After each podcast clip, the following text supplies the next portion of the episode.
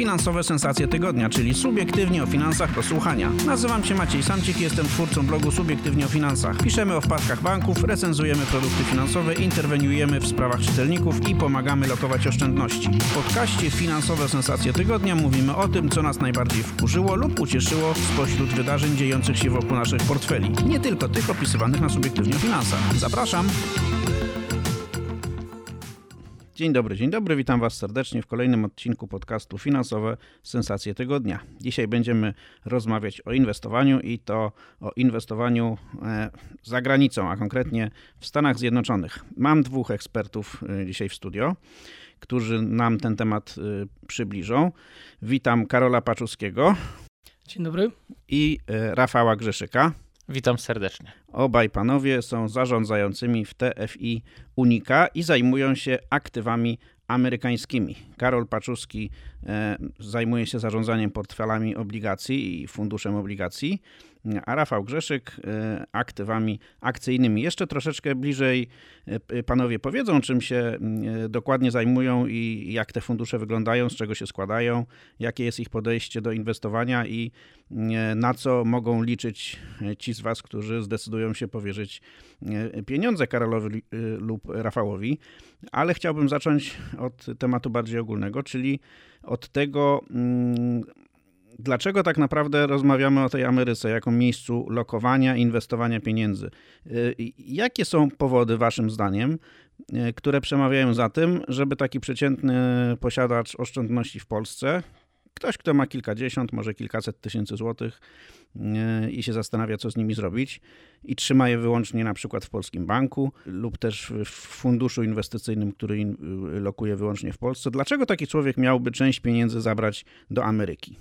Przede wszystkim pierwszy powód to dywersyfikacja mm, swoich aktywów.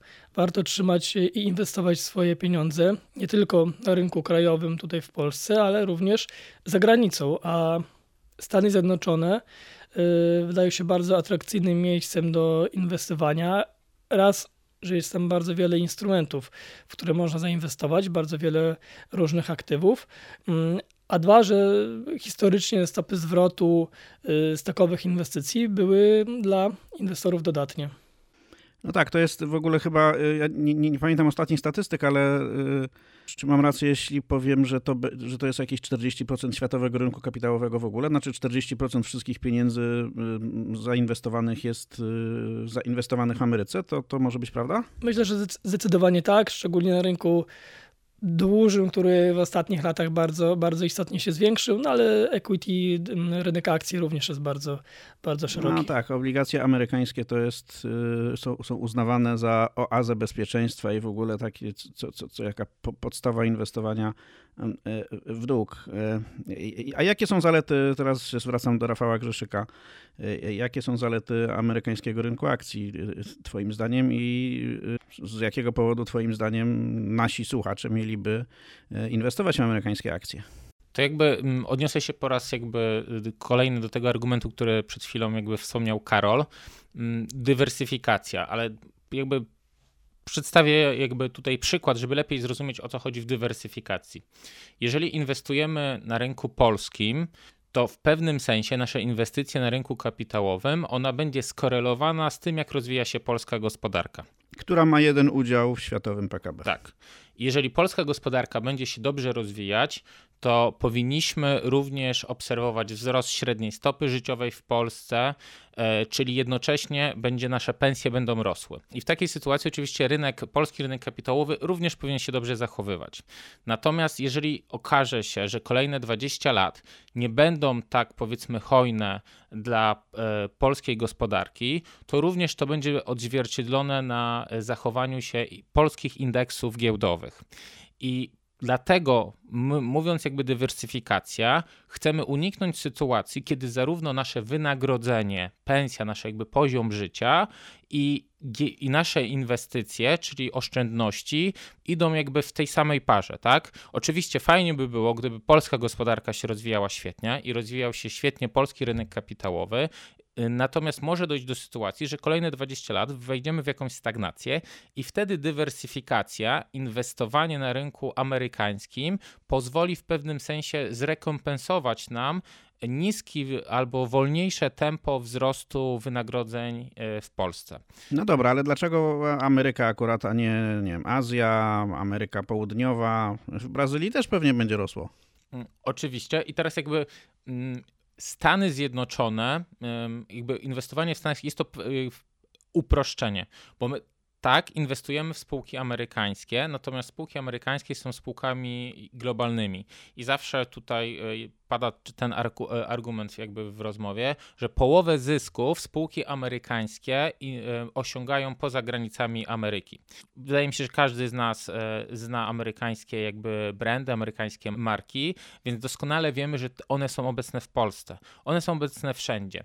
Dzięki temu wybierając ekspozycję na rynek amerykański, tak naprawdę jest to ekspozycja globalna. Czyli jest to pierwszy jakby argument, że inwestując w Stanach, inwestujemy tak naprawdę globalnie. Drugi argument, że rynek kapitałowy w Stanach Zjednoczonych pełni bardzo dużą jakby też funkcję społeczną, bo emeryci w Stanach oszczędzają na emeryturę przez inwestycje właśnie na rynku kapitałowym amerykańskim. Dlatego rynek kapitałowy e, cieszy się tam, jest jakby bardzo ważną kwestią społeczną i ma jakby wsparcie od strony jakby polityków, e, od strony społeczeństwa. No i to jest jakby drugi argument. I trzeci argument, ostatni, ale, ale bym powiedział niekoniecznie najmniej ważny, jest to, że dzisiaj e, spółki amerykańskie mają wiele przewag, przewag technologicznych, których po prostu inne spółki, inne rynki nie posiadają. Nawet e, Europa, która też jakby tu wychodzi za państwo rozwinięte, niestety nie może pochwalić się tak znanymi e, i dobrze rozwiniętymi spółkami technologicznymi jak Stany. No tak, a Ameryka jednak w postępie technologicznym rządzi. Ja pamiętam, niedawno widziałem taki graf i on chyba w którymś tekście na Subiektywnie o Finansach też się znalazł, a na pewno w webinarach, które y, ostatnio przeprowadzałem, to y, jeszcze w 2009 roku czy w 2008 y, Europa i Ameryka miały mniej więcej podobne PKB, a dzisiaj Amerykanie mają dwa razy większe. Tak, tak bardzo, tak szybko nam odjechali dzięki temu, że mają największe firmy technologiczne na świecie. No o, o, o, tym, co Ameryka ma, a czego nie ma i, e, i, i co jej ewentualnie zagraża, jeszcze sobie porozmawiamy. E, teraz krótkie pytanie jeszcze mam do Was. Jaką część portfela takiego przeciętnego posiadacza 100 tysięcy złotych powinna zajmować, powinny zajmować amerykańskie obligacje? Raczej 10%, czy raczej 70%, czy coś pomiędzy, czy to w ogóle nie, nie, nie da się powiedzieć, wystawić 1% dla wszystkich wszystkich naszych słuchaczy. Pewnie trudno mm, jednoznacznie określić, jaki to powinien być udział, mm, w zależności od y, awersji do ryzyka, w zależności od tego, jak, jak postrzegamy dany rynek. Natomiast wydaje mi się, że udział y, amerykańskich y, obligacji w portfelu przeciętnego inwestora to powinno być jakieś 20-30%, jako ten element dywersyfikacji. 20-30% w całym portfelu obligacyjnym, czy w portfelu w, w ogóle? Całym, w, w, całym portfelu obligacyjnym. W tej części obligacyjnej. Tak. Mhm. Tak, i tutaj możemy powiedzieć, że zarówno, zarówno inwestor z Polski może inwestować w, w, amerykańskie obligacje poprzez y, fundusze inwestycyjne, bo takie mamy, takowe mamy na, na naszym rodzimym rynku. Mm, I no, ty no, zarządzasz jednym z takich funduszy. Tak, my, Unika, Unika TFI posiada w swojej ofercie y, fundusz y, amerykańskich obligacji korporacyjnych i jest to właśnie jedna, jedna z takich form inwestowania. Inną formą oczywiście jest też inwestycja bezpośrednio w ETF, inwestujący na rynku amerykańskiego długu. Czyli ETF, czyli y, y, instrument, który odzwierciedla wartość indeksu amerykańskich obligacji, tak? czyli ich ceny rynkowe. Tak, i po prostu ekspozycję na szeroki rynek obligacji amerykańskich. Dużo trudniejszą e, formą inwestycji, mniej dostępną jest e, bezpośrednia inwestycja w amerykańską obligację, tak, tak żeby mieć w portfelu bezpośrednio yy, skarbówkę. Tak, oni mają takie fajne obligacje antyinflacyjne, TIPS się to u nich nazywa, tylko to jest zdaje się dostępne wyłącznie dla rezydentów amerykańskich. Tak. Być może niektóre z nich są notowane na rynku wtórnym, ale nie jestem pewien, czy łatwo je kupić. Na, na, na platformach inwestycyjnych, z których korzystam, są czasami wystawiane obligacje amerykańskie, ale szczerze mówiąc mają dość zagadkowe nazwy dla mnie, więc oczywiście ja bardziej ETF-y i fundusze inwestycyjne poważam do takich celów. Tak, i tutaj mamy też właśnie mm, korzyść z posiadania jednostek uczestnictwa takiego funduszu, którym ja zarządzam. To znaczy, my jako instytucja mamy dostęp do y, szerokiego wachlarza instrumentów i jestem w stanie mm, w portfelu posiadać właśnie amerykańskie obligacje antyinflacyjne, te tak zwane TIPSy.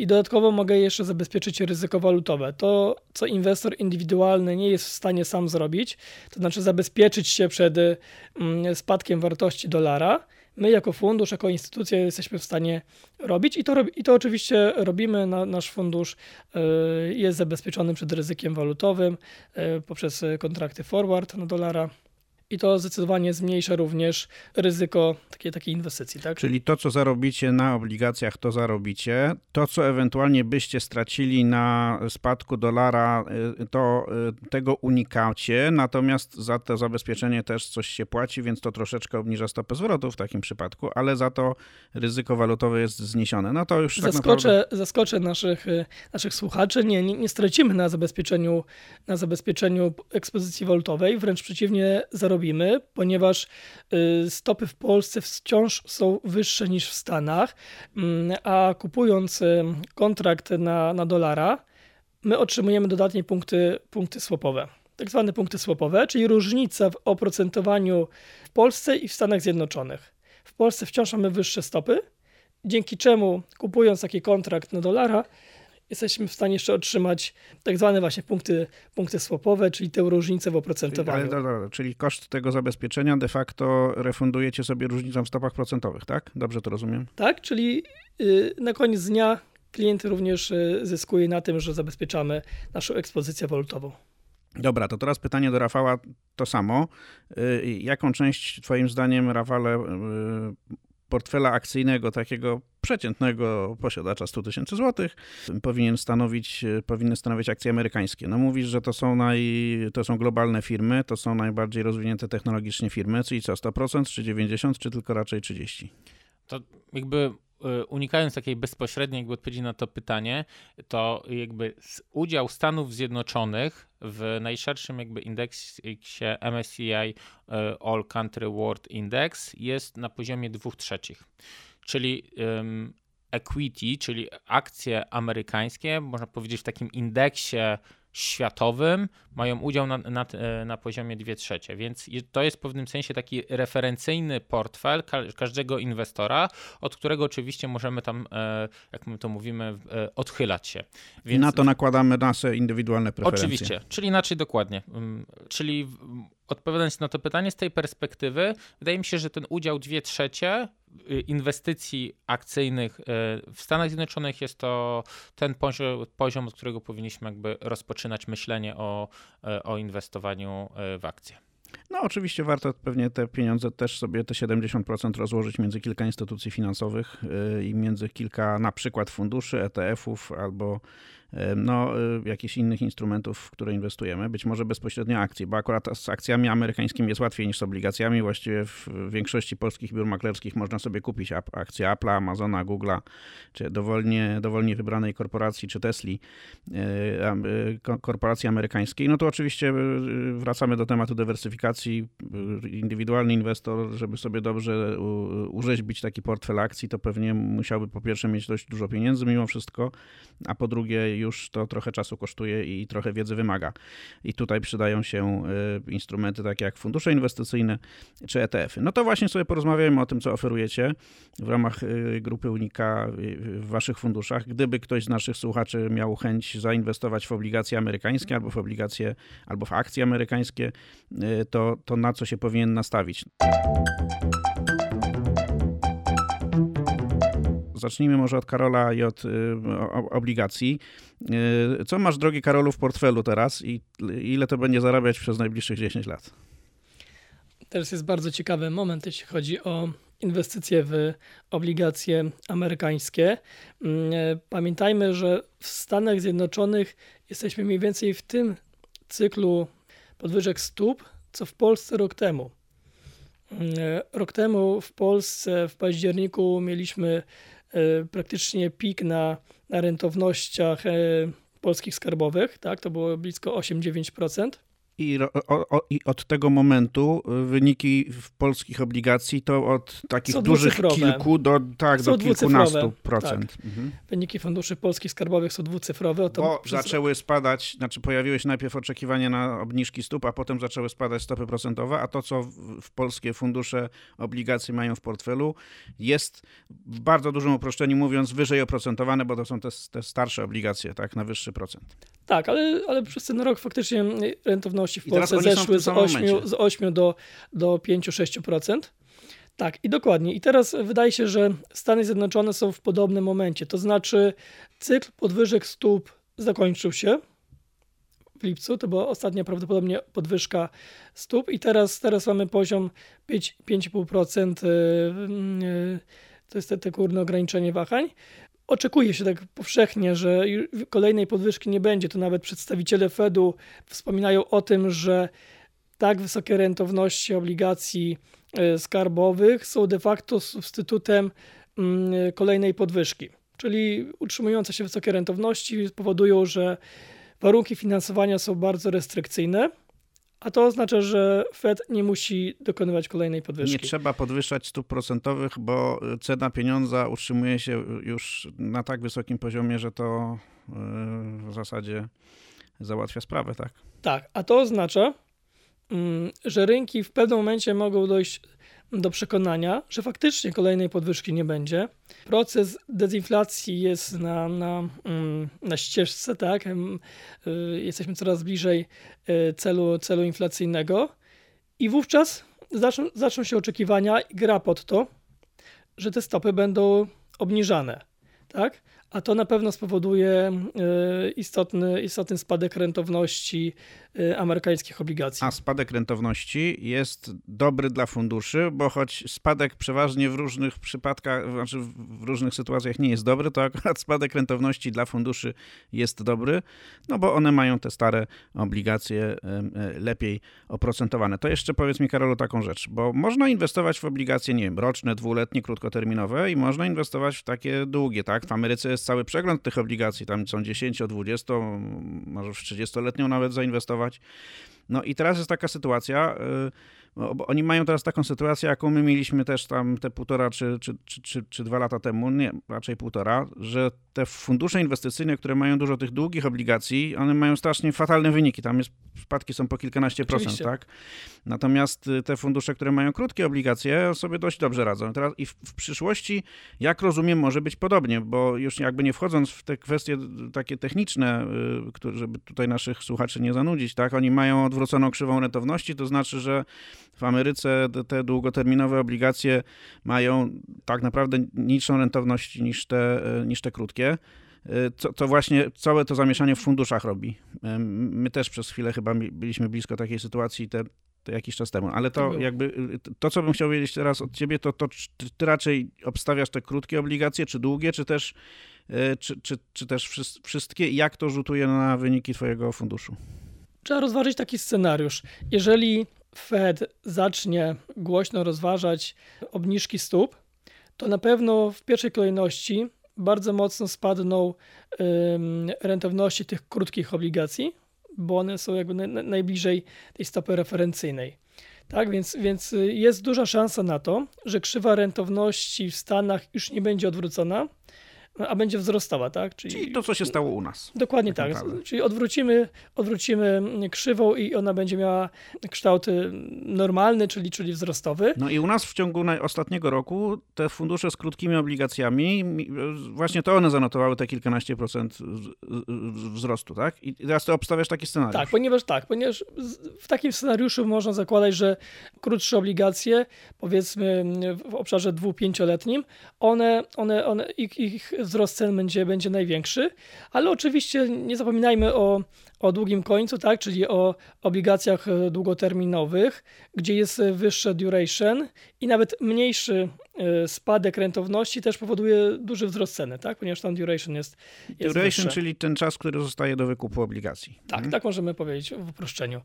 Więc, więc, e, czyli te długie o, też nie są takie złe. Oczywiście, y, zawsze, zawsze obniżki, obniżki stóp gra pod obniżki stóp yy, powoduje spadek rentowności na, na, na całej krzywej.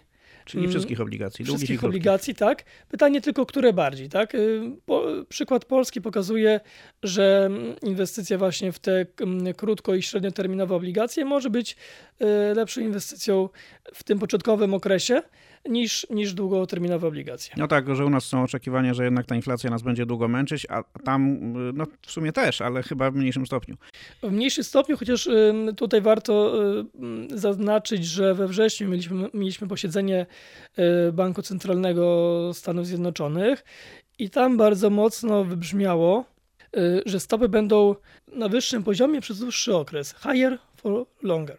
A to z kolei może oznaczać, że długoterminowe obligacje mogą utrzymywać się na, na podwyższonym poziomie rentowności właśnie ze względu na to, że stopy procentowe mogą spadać, ale nie w tak szybkim mm, tempie, jakby tego oczekiwali inwestorzy. Właśnie ze względu na to, że uporczywość inflacji może być wyższa niż nam się wydaje. A, znaczy oni się trochę bo, boją tego scenariusza z lat 70., kiedy tam inflacja spadła, a potem się odbiła i tak w zasadzie się odbijała jeszcze przez najbliższe 10 lat. E, no dobra, to teraz zamykając to wszystko w jednej takiej e, kompaktowej paczce, e, z, z punktu widzenia kogoś, kto chciałby ulokować pieniądze, no my przemawiamy głównie, zresztą nasz, też doradzamy tak naszym czytelnikom i odbiorcom i słuchaczom i widzom, że żeby raczej inwestowali sobie, zrobili portfel długoterminowy, nie bawili się w spekulacje. No i z punktu widzenia takiego inwestora, który chciałby włożyć pieniądze, ale niekoniecznie licząc wyłącznie na to, że zarobi dobrze w najbliższym roku czy dwóch, bo to się może wydarzyć, może nie, ale chciałby, nie wiem, w ciągu 10 lat ileś tam zarobić, no to i, i jakie mniej więcej stopy zwrotu ta strategia, którą stosujesz w funduszu amerykańskich obligacji, no i, i, i jakie może przynieść? To, to raczej 2-3, czy raczej 5-6% w skali roku? I co mówi, o, co mówi o tym historia? Bo ten fundusz ma już jakąś historię.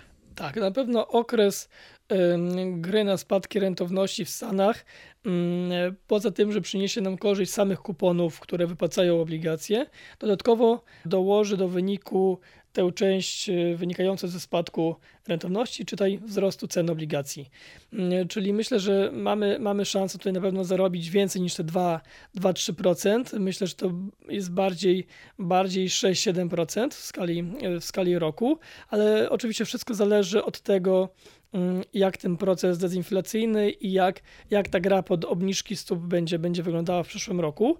Mm, ale myślę, że jest to dobry czas na to, żeby właśnie rozpocząć budowanie ekspozycji na, na tym rynku. Tak? Nie musimy oczywiście wchodzić już jakby jednorazowo na, na, na, ten rynek, możemy sobie rozłożyć te wpłaty na, na kilka lat. Nawet tak należy zrobić. Nawet tak należy zrobić, natomiast, bo nigdy nie, nigdy nie utrafimy oczywiście tego najlepszego momentu w cyklu, natomiast myślę, że to jest dobry moment właśnie, żeby, żeby rozpocząć nasze inwestycje na tym rynku. No, zwłaszcza jak sobie, jeśli przyjmie rzeczywiście taką hipotezę roboczą, że, jest, że Ameryka jest w tym momencie, w którym Polska była rok temu, no to spójrzmy sobie, co się stało z notowaniami funduszy obligacji w perspektywie roku i, i, i, i, zobaczmy, co się może stać w, z, z, ewentualnymi inwestycjami w amerykańskie aktywa. Co, co, co by się mogło teoretycznie stać, gdyby się dolar w tym czasie osłabił? To rozumiem, nie, nie powinno mieć dużego wpływu na wyniki funduszy ze względu na to, że hedżujecie, czyli zabezpieczacie ryzyko kursowe. Tak, jeżeli klient zainwestuje w nasze, nasze fundusze, to dla niego ryzyko kursowe jest, jest zerowe i tutaj też mm, wpływa to na niższą zmienność e, wy, wyceny. Natomiast inwestując w ETF-a, oczywiście ponosimy ryzyko walutowe, ponieważ klient mm, indywidualny raczej nie jest w stanie sobie zabezpieczyć tego ryzyka, czyli, mhm. czyli nabyć kontrakt terminowy na dolara. No dobrze, to idziemy teraz do Rafała. E, Rafale, Karol tutaj licytuje na poziomie 6-7%. Oczywiście pół żartem, bo tutaj e, trzeba powiedzieć, że żadnych zysków nikt nie może obiecać i nic nie, e, nie obiecujemy. Raczej mówimy o tym, co się może wydarzyć, a nie musi. Jak widzisz przyszłość amerykańskiego rynku akcji? Ostatnie tygodnie były takie, takie sobie. Zresztą te wysokie rentowności obligacji, one tak trochę zniechęcają do inwestowania w akcje w ogóle na całym świecie, tak? No bo jak mam 5% e, inwestycji w obligacje bezpieczne, najbezpieczniejsze obligacje świata dają 5% w skali roku, czyli amerykańskie, no to po co ja mam się do diaska wybierać na rynek akcji, który długoterminowo, mówią, przynosi 7-8%, yy, jeszcze się po drodze waha. Yy, jak odbierz ten argument? To zwróciłbym jakby uwagę, mm, że jeżeli wierzymy w ten scenariusz, który teraz narysował nam przed chwilą Karol, czyli te stopy mm, procentowe w Stanach będą spadać, to oczywiście to też powinno być korzystne dla rynku akcji, przy założeniu, że w gospodarce światowej i amerykańskiej um, nic złego nie będzie się działo, um, bo jakby spadek stóp procentowych może wynikać jakby z dwóch rzeczy, tak jakby upraszczając, z tego, że inflacja w sposób częściowo jakby samoistny po, będzie po prostu spadać i będzie się wiązała z niewielkim y, osłabieniem tutaj jakby wskaźników aktywności gospodarczej lub sytuacji, kiedy wchodzimy w recesję. Y, przy założeniu, e, na dzień dzisiejszy, przy założeniu oczywiście, że to nie będzie recesja i to w pewnym sensie dzisiaj się realizuje, czyli mimo wszystko te dane e, gospodarcze, mimo wielu obaw, które było na początku tego roku, są, są dobre i gospodarka w sposób jakby stabilny, kontrolowany mm, spowalnia, gospodarka jakby światowa, więc w takim środowisku, jeżeli ten trend będzie kontynuowany, to rynek akcji również powinien um, zaoferować jakby dodatnie atrakcyjne stopy zwrotu.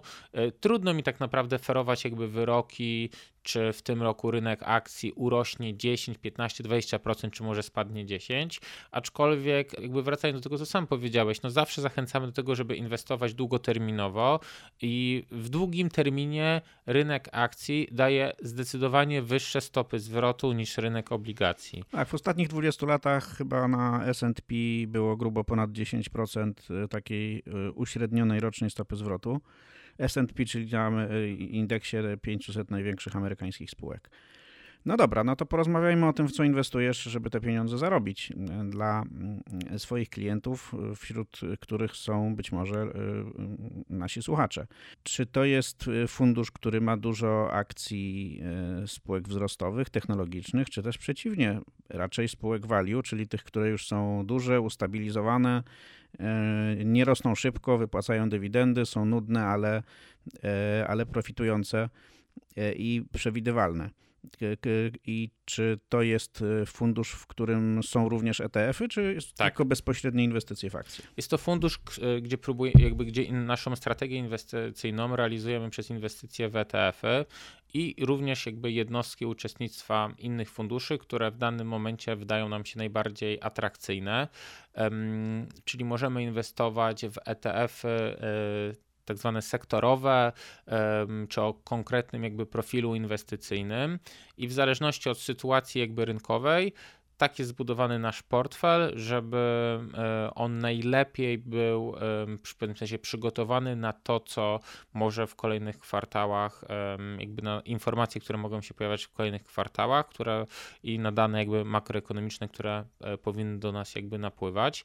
Mm, natomiast z perspektywy jakby klienta, tutaj jakby trochę odchodząc od tych technikali, nasz fundusz um, powinien dosyć w sposób jakby zbliżony zachowywać się jak fundusz, e, znaczy jak S&P 500. Znaczy my nie jesteśmy e, funduszem nasdaqowym, czyli Nasdaq to jest tak znowu dla, w pewnym uproszczeniu indeks spółek najbardziej ryzykownych, najbardziej jakby e, z największym udziałem spółek technologicznych, który oczywiście również potrafi w pewnych okresach zaoferować najwyższą stopę zwrotu, ale jednocześnie jest najwyższa, największa zmienność.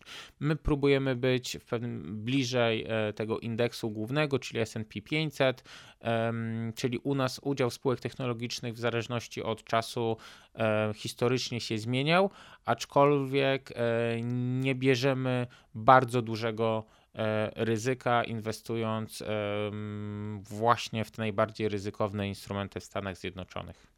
Powiedziałeś przed chwilą, że inwestujecie w, składacie portfel, czy składasz portfel z takich elementów, które są teoretycznie najbardziej przyszłościowe w danym momencie, przynajmniej tak się rysują. I, które dzisiaj, nie wiem, e, sektory czy e, rodzaje inwestycji przeważasz w portfelu?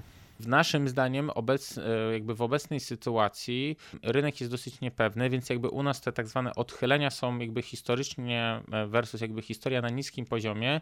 Wynika to z tego, że jednak jest dosyć duża niepewność, w jaką stronę będą kształtować się oczekiwania związane z ze stopami procentowymi. Historycznie u nas jakby komponent spółek wzrostowych był wyższy niż to by wynikało ze składu indeksu S&P 500.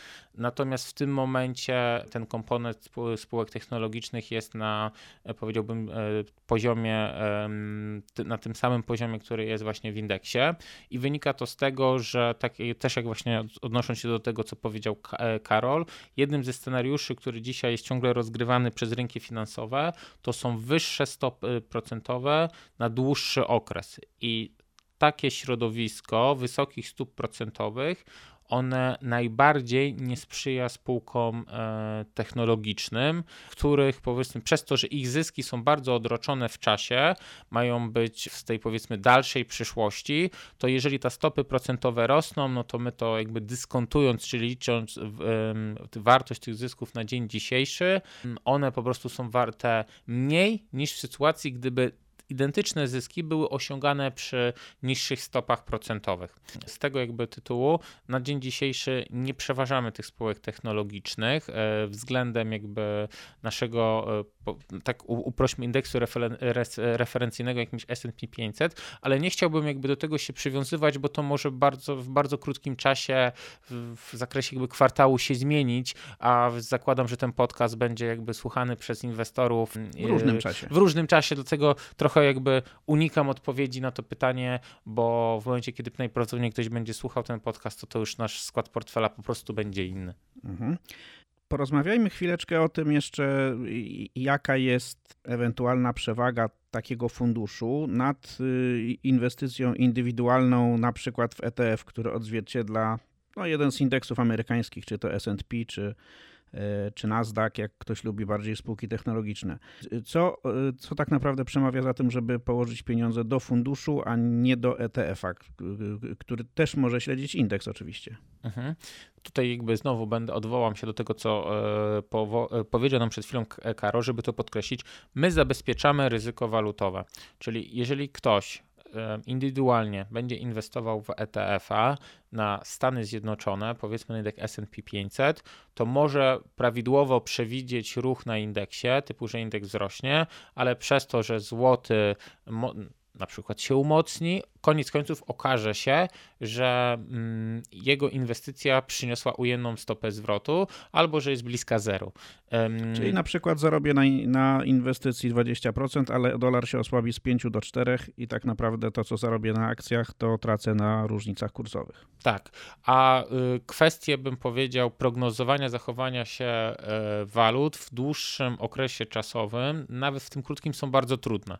Dlatego, y, no i później taka może być u takiej osoby w pewnym sensie jakaś frustracja wynikająca z tego, że ktoś prawidłowo przewidział ruch na, na, na samym indeksie, natomiast y, przez czynnik powiedzmy walutowy stracił czy nie zyskał tyle, tyle, tyle, tyle ile oczekiwał. Nie szukając daleko, w zeszłym roku mieliśmy taką sytuację dokładnie, gdzie dolar złoty kosztował prawie 5 złotych tak? a później y, systematycznie złoty się umacniał, no i praktycznie zeszliśmy poniżej poziomu 4 nawet, więc w ciągu powiedzmy pół roku tak naprawdę y, ktoś, kto y, kupił ETF-a, zyskał na ETF-ie, mógł stracić na walucie ponad 20%.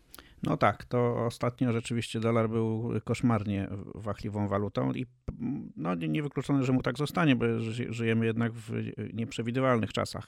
No to jeszcze porozmawiajmy już na koniec o, o gospodarce amerykańskiej i o, o jej przyszłości. Ja tutaj widzę dwie rzeczy, y, które powinniśmy omówić. Po pierwsze, kwestie zadłużenia i tego, czy amerykańska gospodarka jest, zbliża się do takiego poziomu, y, powyżej którego będzie, mu, będzie jej trudno wejść i raczej będzie czekała, aż ktoś się zdetronizuje, y, czy też będzie nadal gwiazdą, tak jak była przez ostatnich 50 lat. Dzisiaj y, y, rentowność amerykańskich obligacji jest najwyższa od chyba 15 czy 20 lat. Odsetki, które rząd amerykański musi płacić od długu, to jest 1 bilion dolarów rocznie. I to jest mniej więcej 20% z tego, co Amerykanie mają, zbierają z podatków. No i mm, wygląda na to, że y, No i oczywiście jest ostatnio zatrzymana, ale mieliśmy bardzo duży dodruk pieniądza do druk dolara. Dopóki dolar jest walutą rozliczeniową, to mogą sobie tego dolara drukować właściwie ile chcą. Natomiast pewnie nie można tego robić bez końca. Więc chciałbym, żebyśmy zatrzymali się na tym, a, a potem jeszcze o potencjale technologicznym Stanów dwa słowa powiemy, ale, ale może najpierw rozkminimy sprawę e, tego zadłużenia. Czy to waszym zdaniem jest zagrożenie e, e, dla amerykańskich inwestycji, czy dla inwestycji naszych słuchaczy w Ameryce, to, że ta Ameryka jest coraz bardziej zadłużona i że no tak naprawdę niektórzy mówią, że wręcz już wpadła w pętlę zadłużenia, no i że za ten dług musi coraz więcej płacić. To prawda, natomiast pamiętajmy, że faktycznie ważnym orężem e, w walce z zadłużeniem e, jest na pewno bank, bank centralny, który, tak jak pokazał wcześniej, może po prostu dodrukować dolara, więc mm, tutaj mm, scenariusze twardego bankructwa oczywiście się nie zrealizują, są bardzo minimalne. Natomiast wracając do, do bieżącej sytuacji, no, po okresie COVID-u, gdzie gospodarka bardzo mocno ucierpiała i, i wydatki, wydatki dla, dla przedsiębiorstw, wydatki skierowane do gospodarstw indywidualnych bardzo mocno wzrosły, były głównie finansowane z deficytu to spowodowało, że y, zadłużenie Stanów Zjednoczonych y, na przestrzeni ostatnich trzech lat wzrosło z dwudziestu kilku y, bilionów dolarów do 33 bilionów dolarów obecnie. No i mówią, że w, za 10 lat będzie pewnie z 50. I oczywiście jest, niektórzy jest, analitycy, no może tak, nie wszyscy. Jest, nie jest zawsze, to mainstream, ale są takie prognozy. Zawsze jest takie ryzyko, są takie prognozy. Oczywiście to dużo zależy od tego, kto będzie rządził. Natomiast na pewno warto zauważyć, że ten skokowy wzrost zadłużenia wydarzył się w bardzo niekorzystnym czasie, to znaczy w okresie, gdy inflacja wystrzeliła, a wraz z nią Fed został zmuszony do tego, żeby podwyższać stopy. A co to oznacza? To oznacza, że koszt finansowania, w tym finansowania właśnie tego deficytu, bardzo istotnie wzrósł, bo o ile w 2021 roku mm, e, rząd mógł się finansować po koszcie około 1%, tak teraz musi zapłacić inwestorom e, prawie 5%. To bardzo mocno e, podnosi właśnie koszty obsługi zadłużenia i jeżeli spojrzymy sobie na mm, najświeższe, najświeższe dane, koszt, koszt obsługi, czyli mm, wydatki na odsetki od wyemitowanych obligacji, to rzeczywiście było w 2023 roku tam było około, około 900 miliardów dolarów. To jest już 3% PKB amerykańskiego. Tak, to, to, to jest wzrost o, o 1 trzecią versus poprzedni, poprzedni rok. I, I też warto zauważyć, że średnie, średnie oprocentowanie amerykańskich obligacji to jest obecnie 2,8%, a w zeszłym roku było to 1,8%, czyli mamy wzrost o 1 trzecią. Tak? I pamiętajmy, co więcej, że obecnie rząd musi finansować, rolować jakby kolej, kolejne obligacje, czyli jeden zapadają, emituje nowe. No i te nowe obligacje, które są emitowane w, w ciągu ostatnich powiedzmy dwóch kwartałach, one już były Y, emitowane po bardzo wysokim koszcie, tak? Po powyżej 4%. Mm, więc y, mamy z jednej strony wzrost wydatków mm, budżetowych, a z drugiej strony istotny wzrost kosztu finansowania tych wydatków. No właśnie, niektórzy mówią, że efektem, y, efekt może być taki, że w długim terminie Amerykanie no, nie będą w stanie skutecznie walczyć z inflacją, no bo nie będą mogli tak sobie pozwolić na. No w latach 70. oni podwyższyli stopy procentowe do chyba 13 czy 14%, czy nawet więcej, nastu w każdym razie, po to, żeby zniszczyć inflację. No teraz sobie na to nie mogą pozwolić, bo by ich zniszczyły koszty obsługi zadłużenia. No i hipoteza jest taka, że ta Ameryka będzie miała jednak podwyższoną inflację już teraz zawsze, e, bo, bo po prostu no, te koszty zadłużenia będą tak wysokie, że nie, nie będzie można tego, nie, nie będzie można skutecznie z tą inflacją e, walczyć. Zgadza się. Pamiętajmy, że dekadę temu przykładem państwa zadłużonego chociażby w Europie była Hiszpania, Włochy, Grecja, gdzie zadłużenie w stosunku do produktu krajowego brutto przekraczało 100%. W Japonii również to istotnie przekraczało 100%. I przyszła y, Ameryka cała na biało i też zrobiła 100%. I Ameryka przekroczyła 100%, obecnie to wynosi ponad 120% PKB, więc to no jest tak. bardzo istotne zadłużenie. Aczkolwiek z punktu widzenia kogoś, kto ma obligacje, tak, dopóki kraj nie zbankrutuje, tak, Ameryka ma walutę rozliczeniową, więc tak jak powiedziałeś, jak będzie miała problem z zadłużeniem, to sobie tę walutę dodrukuje, nawet kosztem inflacji, potem tę inflację wyeksportuje na cały świat za pomocą tego dolara. Natomiast ktoś, kto ma obligacje dolarowe, dopóki ten kraj nie zbankrutuje i mu się dobrze płaci za te obligacje, to źle nie ma.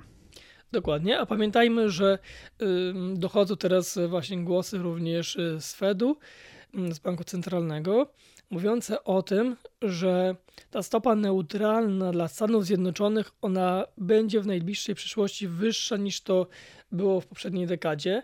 Mm, to znaczy pewnie bliżej może osiągnąć poziom bliżej 3% niż, niż 1 bądź 2%, a to jest na pewno korzystne dla posiadaczy obligacji, ponieważ będą po prostu otrzymywali e, wyższe, wyższe kupony niż to było kilka lat temu. Tak? E, pamiętamy, że w okresie covidowym rentowności obligacji szorowały pod nie, były bliskie zera, a to była też sytuacja niekorzystna dla inwestorów, ponieważ otrzymywali bardzo, bardzo niskie kupony od swoich obligacji. Tak? Teraz te obligacje skarbowe dają zarobić znacznie więcej. No właśnie, to, to Rafale, e, po, powiedz nam, jak twoim zdaniem te ten podwyższony koszt pieniądza, no, długoterminowo oby to było 3%, nie więcej w skali roku, korzystny dla posiadaczy obligacji. Jak to może wpłynąć na, na gospodarkę amerykańską, rozumianą jako rynek kapitałowy też częściowo, największe amerykańskie spółki? No w Ameryce jest tak, że gospodarka i rynek kapitałowy to prawie to samo, tak? Bo tam jest, tam w zasadzie wszystkie największe firmy y, są notowane na giełdzie, to zupełnie inaczej niż u nas. Czy to będzie jakoś hamowało gospodarkę amerykańską, czy ona nadal nie ma z kim przegrać, tak jak to było w ostatnich kilkudziesięciu latach? No mówi się, że, że kraje BRICS będą atakować, że będzie trend do dedolaryzacji, czyli sobie, czyli próba y, zmiany waluty rozliczeniowej świata. E, pozbawienia Ameryki tego przywileju e, nieograniczonego do druku pieniądza, no bo to de facto, jak się ma walutę rozliczeniową świata, to tak można e, to odczytać. Czy, czy tu jest jakieś zagrożenie, czy, czy, czy nie widzisz dzisiaj żadnego mm, miejsca, regionu na świecie, który mógłby z Ameryką przegrać? No, biorąc pod uwagę jej potencjał też gospodarczy, technologiczny. To jakby odpowiadając na pytanie, tak, wydaje mi się, że Stany Zjednoczone mają dzisiaj taką pozycję, że przez najbliższe dekady dalej moim zdaniem będą jakby hegemonem na świecie pod względem jakby politycznym i gospodarczym. I wydaje mi się, że tutaj ostatnie lata, bardzo bym powiedział negatywne dla, dla świata, też jakby dla Polski, tutaj jakby odwołuję się do, do, e, do wojny, czy jakby inwazji rosyjskiej na, na Ukrainę, no pokazują um, tak naprawdę kto, kto rozdaje karty na rynku jakby światowym i to w pewnym sensie wręcz umocniło jakby znaczenie dolara na świecie bo nagle okazało się, że mm, Unia Europejska, która y, ma jakby euro, w strefie jakby euro, y, która, y, euro jest drugą walutą świata, że jednak no, Europie, mówiąc wprost, daleko do Stanów Zjednoczonych, jeżeli chodzi o znaczenie jakby polityczne, potencjał militarny i obrony swoich jakby granic czy swoich wpływów na świecie. jednocześnie mm, coraz więcej się mówi w ostatnim okresie o problemach demograficznych w Chinach i skutkach e, kilku dekad polityki jednego dziecka. Chiny są już jednym z najszybciej starzejących się społeczeństw na świecie i e, wszystko na to wskazuje, że są dzisiaj w pewnym sensie w momencie szczytowym swojej jakby gospodarki. No, e, zwłaszcza jak się okaże, że e, Ameryka odcina na poważnie, a chyba tak się dzieje, tak? Chińczyków od technologii, oni przecież nawet tych najbardziej zaawansowanych chipów nie są w stanie robić. Tak, więc z tej perspektywy patrząc na potencjalnych konkurentów na rynku globalnym, to y, Rosja no, w sposób jakby jednoznaczny została już wykluczona e, z kręgu państw jakby cywilizowanych i też wszyscy widzimy, co się dzieje z jej gospodarką. Chiny mają gigantyczne problemy demograficzne, więc e, powiedziałbym, ci konkurenci, tych jest coraz mniej konkurentów. Nawet patrząc na Indię, Jest to jakby państwo, które bardzo duży udział w, w produkcji PKB stanowią usługi. Oni bardzo dużo tych usług właśnie eksportują na świat. To jakby trochę uciekając jakby już do naszego kolejnego pewnie punktu, który dzisiaj będziemy poruszać, sztucznej inteligencji, to sztuczna inteligencja wydaje się, że będzie największym zagrożeniem dla prostych prac e, biurowych, które jest najłatwiej zautomatyzować. Więc jakby próbując e, robić jakieś prognozy bardzo długoterminowe, co rzadko kiedy oczywiście, rzadko kiedy, jak to się, my żartujemy, rzadko kiedy one wchodzą, e, czyli rzadko kiedy się inaczej realizują, to największym przegranym automatyzacji wynikającej z rozwoju sztucznej inteligencji powinny być, moim zdaniem, będą Indie, tak jakby modelowo. Kolejny jakby konkurent na rynku międzynarodowym, globalnym dla Stanów Zjednoczonych, również kolejne 20-30 lat może być dla niego bardzo ciężkim.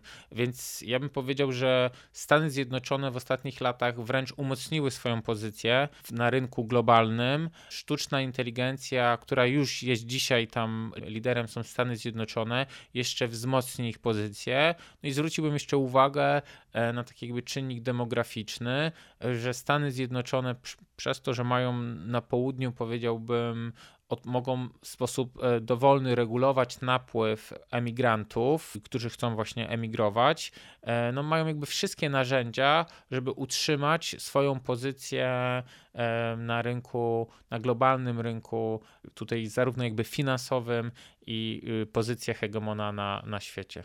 No tak, ja widziałem takie, takie statystyki ostatnio, z których wynikało, że w Ameryce wcale nie Amerykanie zarabiają najlepiej, tylko właśnie yy, imigranci. Bodaj Hindusi mają najwyższe wynagrodzenie, yy, takie średnie, przeciętne w, w, Stanach Zjednoczonych. No to oznacza, że rzeczywiście Stany ściągają talenty z całego świata, mogą to regulować mogą tym zarządzać i e, tym najbardziej utalentowanym płacą najwięcej e, i też wyciągają z nich e, najwięcej wiedzy. No i właśnie to, to chciałbym, żebyśmy, żebyśmy na tym temacie zakończyli naszą rozmowę, czyli jeszcze dwa słowa powiedzieli o tym rynku sztucznej inteligencji.